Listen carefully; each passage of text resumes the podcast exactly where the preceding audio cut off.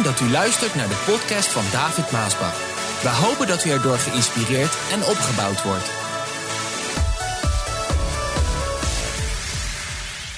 De titel van de boodschap die luidt De handelingen van de apostelen. Handelingen 1, vers 1 tot en met 5 zegt het volgende. Beste Theophilus, in mijn eerste boek heb ik u verteld over het leven van Jezus en zijn lessen. En hoe hij naar de hemel ging nadat hij zijn apostelen verdere aanwijzing door de Heilige Geest had gegeven. Gedurende de veertig dagen na zijn kruisiging is hij van tijd tot tijd bij de apostelen geweest en bewees hun op allerlei manieren dat hij leefde. Bewees hij hen op allerlei manieren dat hij leefde. Telkens weer sprak hij met hen over het koninkrijk van God. Tijdens een van deze ontmoetingen zei hij dat zij Jeruzalem nog niet mochten verlaten. Wacht eerst op wat de Vader beloofd heeft, zei hij. Ik heb al verteld wat er zal gebeuren. Johannes doopte met water, maar over enkele dagen zullen jullie met de Heilige Geest gedoopt worden. Nou, het boek Handelingen, en daarom wil ik ook graag dat iedereen dat boek leest, het hele boek, dat vertelt ons lang niet alles wat de apostelen hebben gedaan. En het vertelt ons ook niet over alle apostelen wat ze hebben gedaan. Het vertelt ons slechts over enkele apostelen, waarin we natuurlijk heel veel lezen over, over Paulus en Petrus. Daar spreekt het heel veel over. Zo, het vertelt ons lang niet alles. En als ik dan ook zo nadenk, en je leest dat boek ook, daarom wil ik dat iedereen dat boek nogmaals rustig doorleest, aandachtig doorleest, dan, dan zie je dat eigenlijk heb ik nog zoveel vragen als ik dat boek lees. Uh, Paulus die heeft die reizen gemaakt, dat lees je daar, die rondreizen. En dan vraag ik mij bijvoorbeeld af, als je dat dan leest, is hij ook naar Spanje geweest? Is hij, is hij niet alleen daar, in Macedonië en Cyprus, is hij ook in Spanje geweest? Heeft hij die boot, want je had toen nog geen vliegtuigen, heeft hij de boot genomen naar Spanje? Is hij misschien vanuit Spanje wat toen natuurlijk hele andere grensgebieden waren, door, is hij in Nederland geweest? Heeft hij hier het evangelie Is hij in Engeland? Heeft hij weer de boot gepakt in Engeland? Of is hij misschien van, van daarboven, is hij met de boot helemaal gelijk naar Engeland? Hoe, hoe, wat, heeft hij, wat is er allemaal nog meer dan gebeurd? Het, het geeft me eigenlijk zoveel vragen, dat boek. En toch vertelt het ons eigenlijk genoeg om dingen te weten. Neem bijvoorbeeld de allerlaatste versen van dat boek van Handelingen. Er staat in Handelingen 28, heeft 28 hoofdstukken, de allerlaatste versen. Paulus woonde twee volle jaren in het huis dat hij had gehuurd. Hij woonde in een huurhuis. Alleen dat al denk ik, oh, hij woonde in een huurhuis. Misschien denk je, ja, nou ja, wat maakt dat nou uit? Nou, ik dacht ineens aan, hij woont in een huurhuis. Twee jaar. En hij liet geen kans voorbij gaan om over het koninkrijk van God te spreken. Met grote vrijmoedigheid sprak hij over de Heer Jezus Christus. En niemand legde hem een strobreed in de weg. En dan eindigt het boek. Dat vind ik zo'n dan denk ik, het eindigt hier. Dit is wat me zo opviel aan dat boek toen ik die laatste vers. Ik denk, wat is dit nou voor. Dit is geen einde. Want dan denk ik, wat ik net zeg, van ja, maar hoe zat het dan? Is hij dan in Spanje nog geweest of Engeland? Wat, hoe, wat, wat heeft er allemaal plaatsgevonden met die andere apostelen? Wat, voor dingen zijn er al? Zo voor mij heeft dit boek Handelingen, als ik dan die laatste versen lees, helemaal geen einde. Het is eigenlijk geen, geen punt.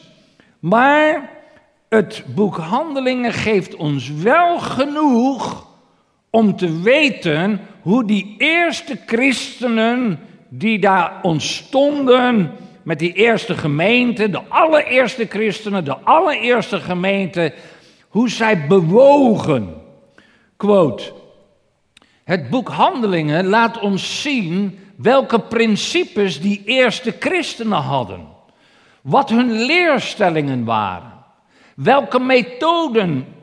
Dat zijn belangrijke dingen die het boek Handelingen laat zien. Die bewegingen van die eerste christenen.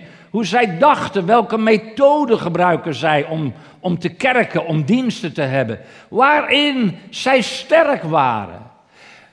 Het laat ons ook zien waarin ze faalden, dat is ook goed.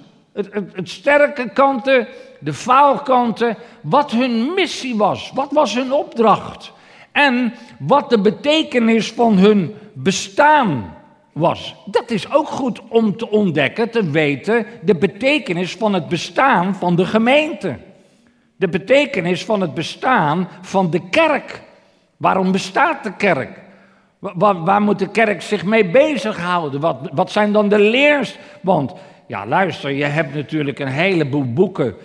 Zeker van de traditionele kerken, die hebben allemaal leerstellingen. Maar vind ik die dan terug? In de Bijbel? Vind ik die terug in de eerste gemeente? Waren dat dan dingen die die eerste christenen ook deden en, en, en predikten en geloofden? Dat is wat het boek Handelingen ons allemaal laat zien. Let nou eens op die allereerste zin. Daarom zeg ik, lees het boek, maar lees het aandachtig. Want er zijn dingen die ik zal zeggen, waarvan je nu ineens de ogen open gaat. Oh, nou zie ik dat pas, of nou begrijp ik dat pas. Lees nou die allereerste zin. Beste Theophilus, in mijn eerste boek heb ik u verteld over het leven van Jezus en zijn lessen. Nou, iedereen leest dat en dan ga je door naar het volgende. Je denkt hier niet verder over na.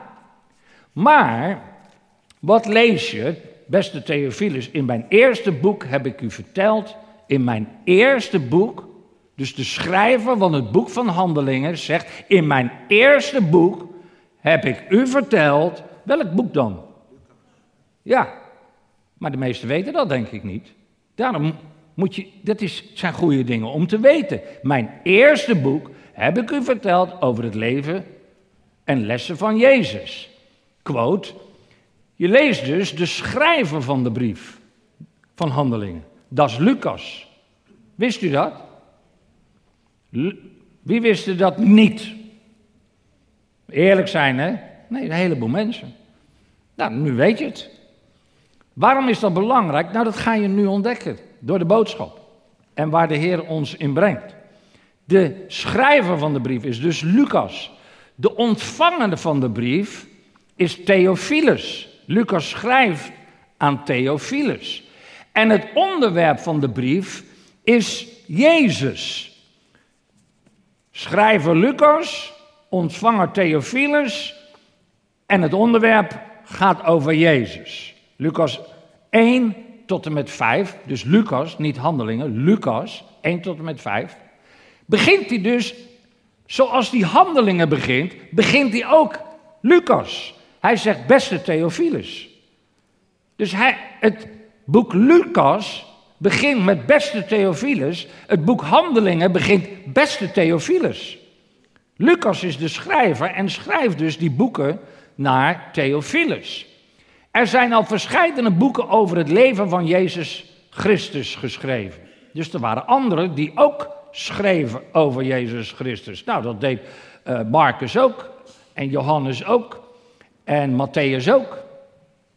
Men is daarbij steeds uitgegaan van wat de eerste leerlingen en andere ooggetuigen hebben verteld. Het gaat over die eerste leerlingen, wat zij hebben verteld. Ooggetuigen van wat Jezus heeft gedaan en zijn lessen waren. Dat is heel belangrijk als je ooggetuigen hebt. Dat is anders van horen zeggen. Ooggetuigen. Toch dacht ik dat het nuttig zou zijn alles nog eens nauwkeurig na te gaan en u daarvan een geordend verslag uit te brengen. U zult zien dat het volledig overeenstemt met wat u is geleerd. Mijn verhaal begint bij de Joodse priester Zacharias. Hier begint hij het boek Lucas. Dus de evangelie van Lucas begint bij het verhaal van Zacharias. Die leefde in de tijd dat Herodes koning van Juda was. Hij behoorde tot de priesterafdeling van Abia. Zijn vrouw Elisabeth kwam, net als hij zelf, uit het priesterlijk geslacht Aaron. Zo, dit is waar Lucas begint. In het boek Lucas begint hij bij het begin door uit te leggen over Zacharias en hoe Johannes werd geboren. En dan gaat hij vertellen over Jezus. Hoe hij geboren werd, hoe de engel kwam bij Maria. Hoe Jezus op wonderbaarlijke wijze in Bethlehem geboren werd, Herodes. Hij vertelt ons hoe Jezus vluchten moest hè, met papa en mama. Papa en mama moesten vluchten. Hij vertelt ons over de verzoeking, hoe Jezus verzocht werd in de woestijn door de duivel. Hij vertelt ons hoe hij, hoe Jezus vervuld werd met de Heilige Geest toen de Heilige Geest op hem kwam. Hoe Jezus gedoopt werd. Eigenlijk eerst gedoopt werd door onderdompeling, door zijn neef Johannes. Hoe toen de Heilige Geest op hem kwam. Hij vertelt over de wonderen, de tekenen, de genezingen, de, de, de bevrijdingen van bezeten machten, wat Jezus deed, over het meer, de storm. Hij vertelt over de, de, het lijden van Jezus, hoe hij moest lijden. Hij vertelt over uh, de kruisiging, hoe Jezus stierf. Hij vertelt ook hoe Jezus is opgestaan uit de dood. En hij vertelt hoe Jezus dan heen is gegaan naar de Vader. Nou, quote. Lucas vertelt ons niet wat Jezus gedaan heeft. Kijk, dit moet je even, daarom schrijf ik, schrijf ik het ook op. Let goed op wat ik zeg. Lucas vertelt ons niet wat Jezus gedaan heeft, maar wat Jezus begonnen is te doen. Kijk, dit is een hele belangrijke statement in de boodschap die ik breng en in de waarheid. Waarom ik graag wil dat u dit gaat begrijpen. Want hier ligt een hele grote waarheid. Hij vertelt ons niet wat Jezus gedaan heeft, maar wat Jezus begonnen is te doen. Zijn komst, zijn, zijn doop, zijn genezing, zijn dood, zijn opstanding, zijn hemelvaart. Dat is allemaal wat Jezus begonnen is te doen. Quote. In het boek Handelingen gaat Lucas gewoon verder met het vertellen van de handelingen, de werken van Jezus en de lessen van Jezus. Hij gaat gewoon verder, want hij eindigt Lucas dat Jezus is opgestaan uit de dood. En dat hij naar de Vader is gegaan. Kijk, dit is zo belangrijk, want dat is wat wij, wat ons vandaag anders maakt dan dan de godsdiensten en vele, vele kerken die niet en predikanten die niet geloven in de opstanding van Jezus Christus. Jezus leeft.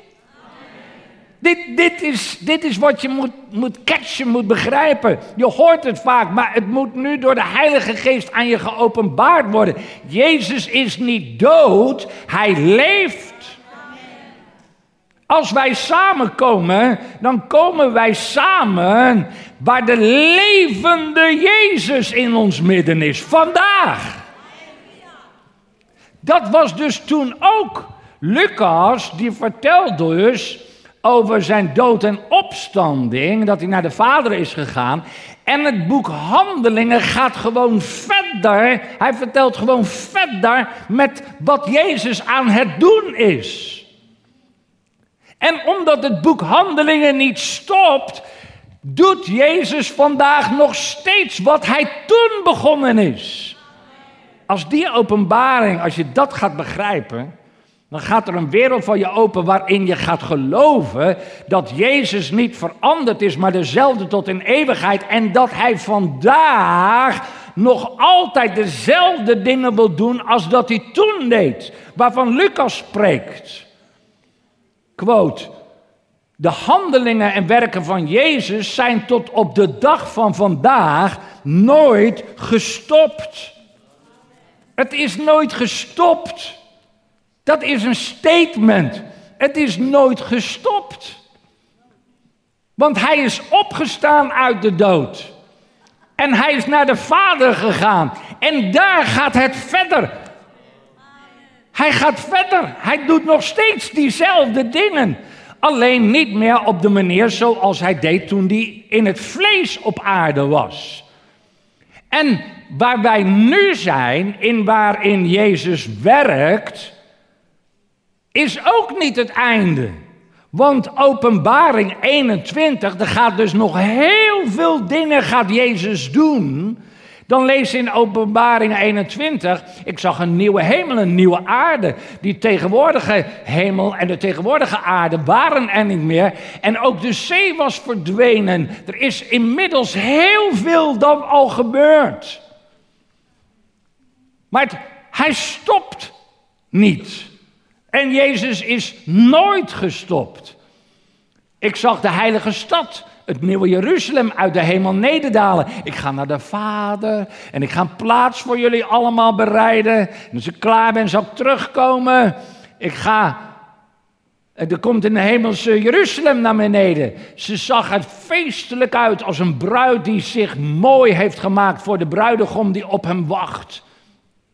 Ik hoorde een luide stem vanaf de troon zeggen: Gods woonplaats is nu bij de mensen. Hij zal bij hen wonen. Zij zullen zijn volk zijn. En hij zal zelf bij hen zijn. Hij zal alle tranen van hun ogen afwissen. Allemaal wat Jezus nog gaat doen. Er zal geen dood meer zijn, geen verdriet, geen rouw of pijn. Want die dingen die horen bij die oude wereld. Dat is waar wij eigenlijk in leven, die oude wereld. Maar die wereld gaat voorbij. Er komt een nieuwe wereld en Jezus is bezig met al die dingen die in de Bijbel staan opgeschreven. Schrijf het allemaal op. Ik maak alle dingen nieuw, want wat ik zeg is waar en betrouwbaar.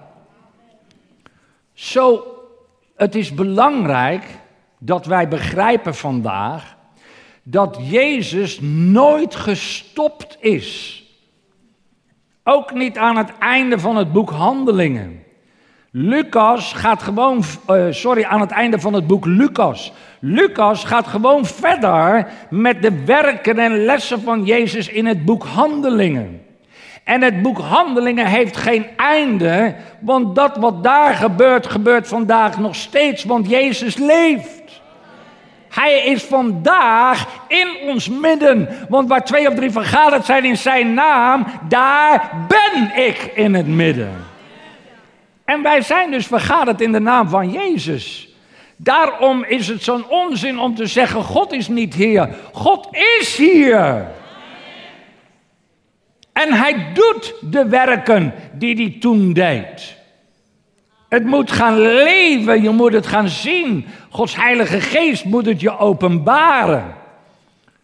Uh, quote: Het boek Handelingen is dus geen reisverslag van de apostelen, want kijk, zo leest men dat.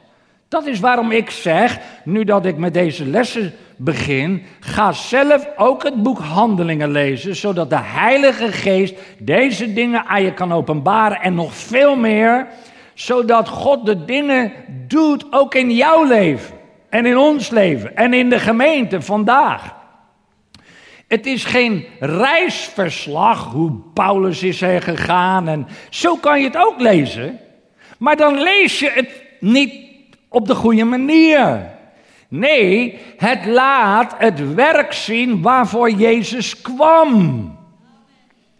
Als je dat Als je op die manier naar handelingen gaat kijken, dan lees je het anders dan een reisverslag. En velen lezen het als een reisverslag, wat er allemaal is gebeurd. Maar je gaat zien waarvoor Jezus kwam. Nou, nu krijgt het nog een wending waar je misschien nooit, wat je misschien nu ineens anders ziet. Waarvoor kwam hij? Ik ken uw antwoord, maar ik ga het lezen. Lucas 12. Lucas zegt dus dat Jezus heeft gezegd: Ik ben gekomen om vuur op de aarde te brengen.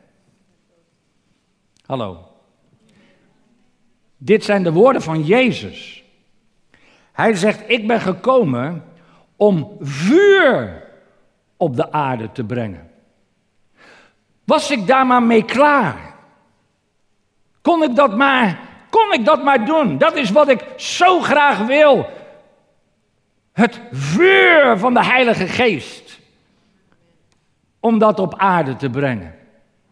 Maar ik moet een zware beproeving, de oude vertaling zegt doop van lijden. Een, een, zware beproeving ondergaan. En ik zie er zo tegenop. Kijk, Jezus kwam om het vuur van de Heilige Geest op aarde te brengen. Uh, Johannes, die getuigt hier ook van. Johannes zegt in Lucas 3, in die tijd verwachtte iedereen dat de Christus gauw zou komen. Overal vroeg men zich af of Johannes het was. Maar Johannes zei hierover tegen iedereen: U hebt gezien dat ik met water doop. Johannes doopte de onderdompeling met water. Maar na mij komt er iemand met een hoofdletter, iemand die belangrijker is dan ik. Ik ben het niet eens waar de riem van zijn sandalen los te maken. En hij, Jezus, zal u dopen met de Heilige Geest en met vuur. Dat is eigenlijk waarvoor Jezus kwam. Quote. Vuur reinigt, loutert, heiligt en verteert. Dat is wat vuur doet. Dit is wat Jezus Christus bedoelde toen hij zei: Ik ben gekomen om vuur te brengen. Ik verlang er zo naar om dat vuur te brengen. Het vuur van de Heilige Geest. Dat is wat hij zo verlangde om te doen. Om, om, om de mensen te louteren dat het echte eruit zou gaan komen. Om te reinigen, om te heiligen. Maar, maar, dat kon niet omdat hij eerst moest lijden. Daarvoor zegt hij, ik ben gekomen om vuur te brengen. Kon ik dat maar, kon ik het nu maar al doen. Maar ik moet eerst moet ik lijden.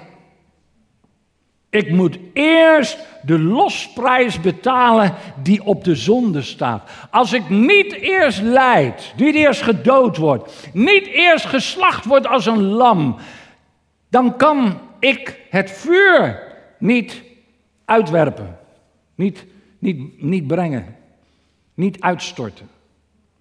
Dat was eigenlijk zijn grote verlangen. En hij wist wat dat lijden inhield. Hij zegt aan één kant, ik zie daar tegenop. Ja, wie ziet daar niet tegenop? Wat komen ging. Maar niet op een manier zoals velen die eigenlijk Jezus helemaal niet kennen, die alles maar met hun verstand beredeneren en bekijken en bedenken. Dat ze denken, ja, hij zag er zo tegenop, hij had er geen zin in, zuchten. Nee, lieve mensen, zo was het niet. Hij zag er wel tegenop wat hij moest doen, maar aan de andere kant kon hij ook niet wachten om het te volbrengen, omdat hij zo graag dat vuur van de Heilige Geest wilde uitstorten. Quote, Jezus is hier niet de terugdeinzende bangert, zoals sommigen hem dan ook in de hof van Gethsemane afschilderen. Nee, Jezus is altijd Heer geweest. Altijd Heer, altijd koning.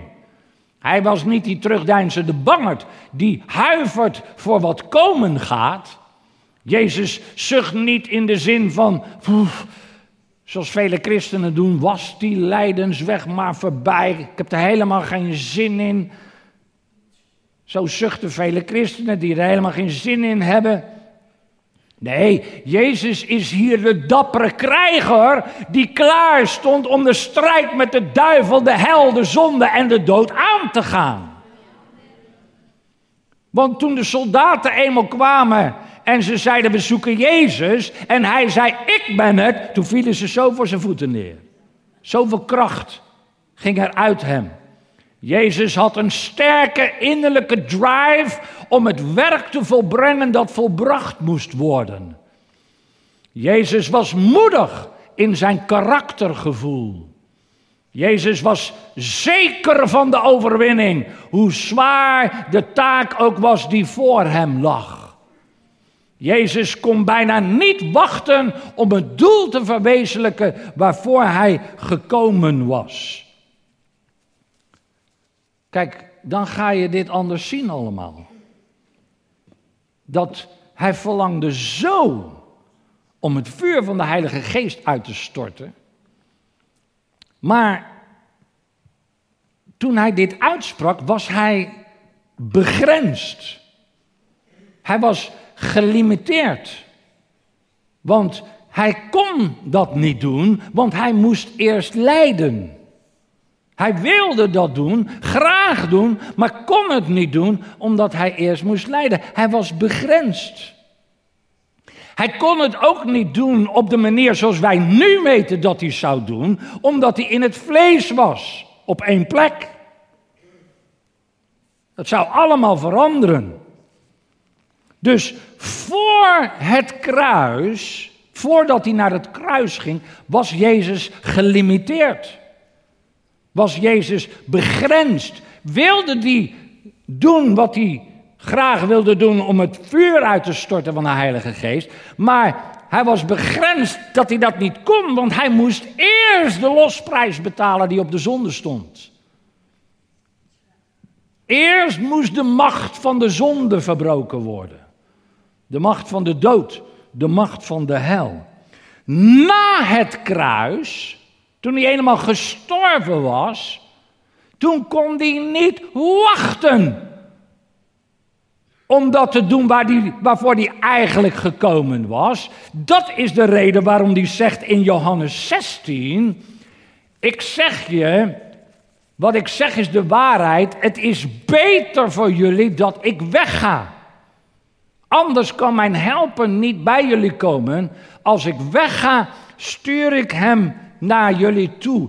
Luister, ik kan niet wachten, het is beter dat ik ga.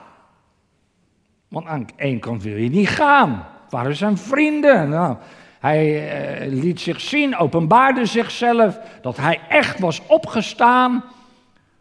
Maar luister, het is beter dat ik ga. Natuurlijk zijn daar dan, dat is, afscheid is een moeilijk moment.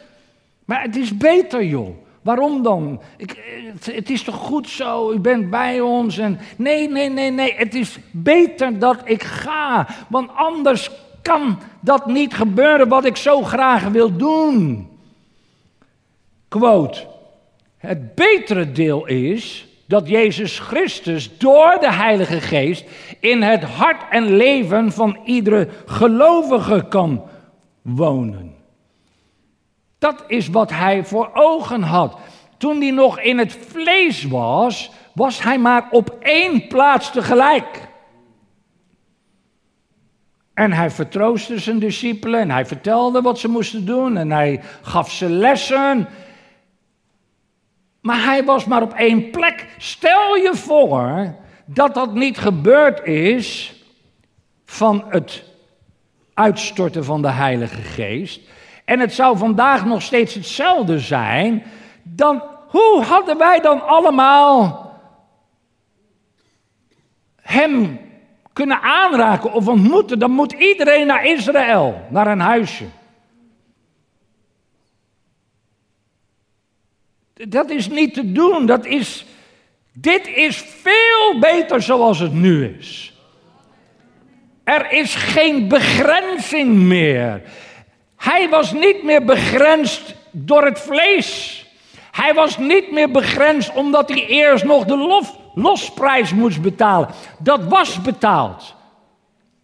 Er zijn dus geen grenzen meer. Daarom zegt Marcus 16. Trek de wereld in, zei hij tegen hen. Vertellen aan de hele schepping het goede nieuws over mij. Wie het geloven en gedoopt worden, zullen gered worden. Maar wie niet geloven, zullen gestraft worden. De mensen die het geloven zullen hieraan te herkennen zijn. Ze zullen in mijn naam boze geesten verjagen. Ze zullen in nieuwe talen spreken. Luister, dat is allemaal nog steeds voor vandaag. Want het is niet gestopt. Nieuwe talen spreken. Ze zullen slangen kunnen vastpakken. En als zij iets giftigs drinken, zal hun dat geen kwaad doen. Ze zullen zieke mensen de handen opleggen en genezen. Vandaar de oktoberconferentie ook de gebedsgenezingsconferentie. Heerlijk is het. Het is nooit gestopt. It's an ongoing thing. Er is geen limit meer. Er is geen begrenzing meer. De Heilige Geest die daalde neer, kwam op allen en allen werden vervuld met de Heilige Geest. En door de Heilige Geest doet Jezus, die in de hemel is, en de Heilige Geest op aarde, door de Heilige Geest doet Jezus nog steeds diezelfde werken wat hij toen begonnen is te doen.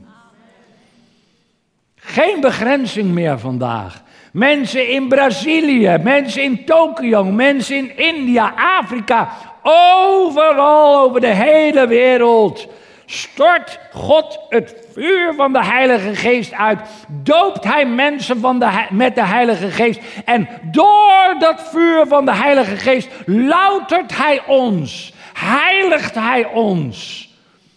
En doet Hij het werk wat hij toen begonnen is te doen en wat nooit geëindigd is.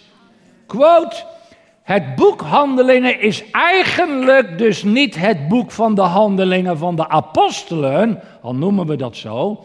Het boek Handelingen is het boek van de voortgaande handelingen, werken die een levende Jezus door de Heilige Geest in het lichaam van Christus doet. En dat is de kerk en de kerk, dat ben jij. Amen.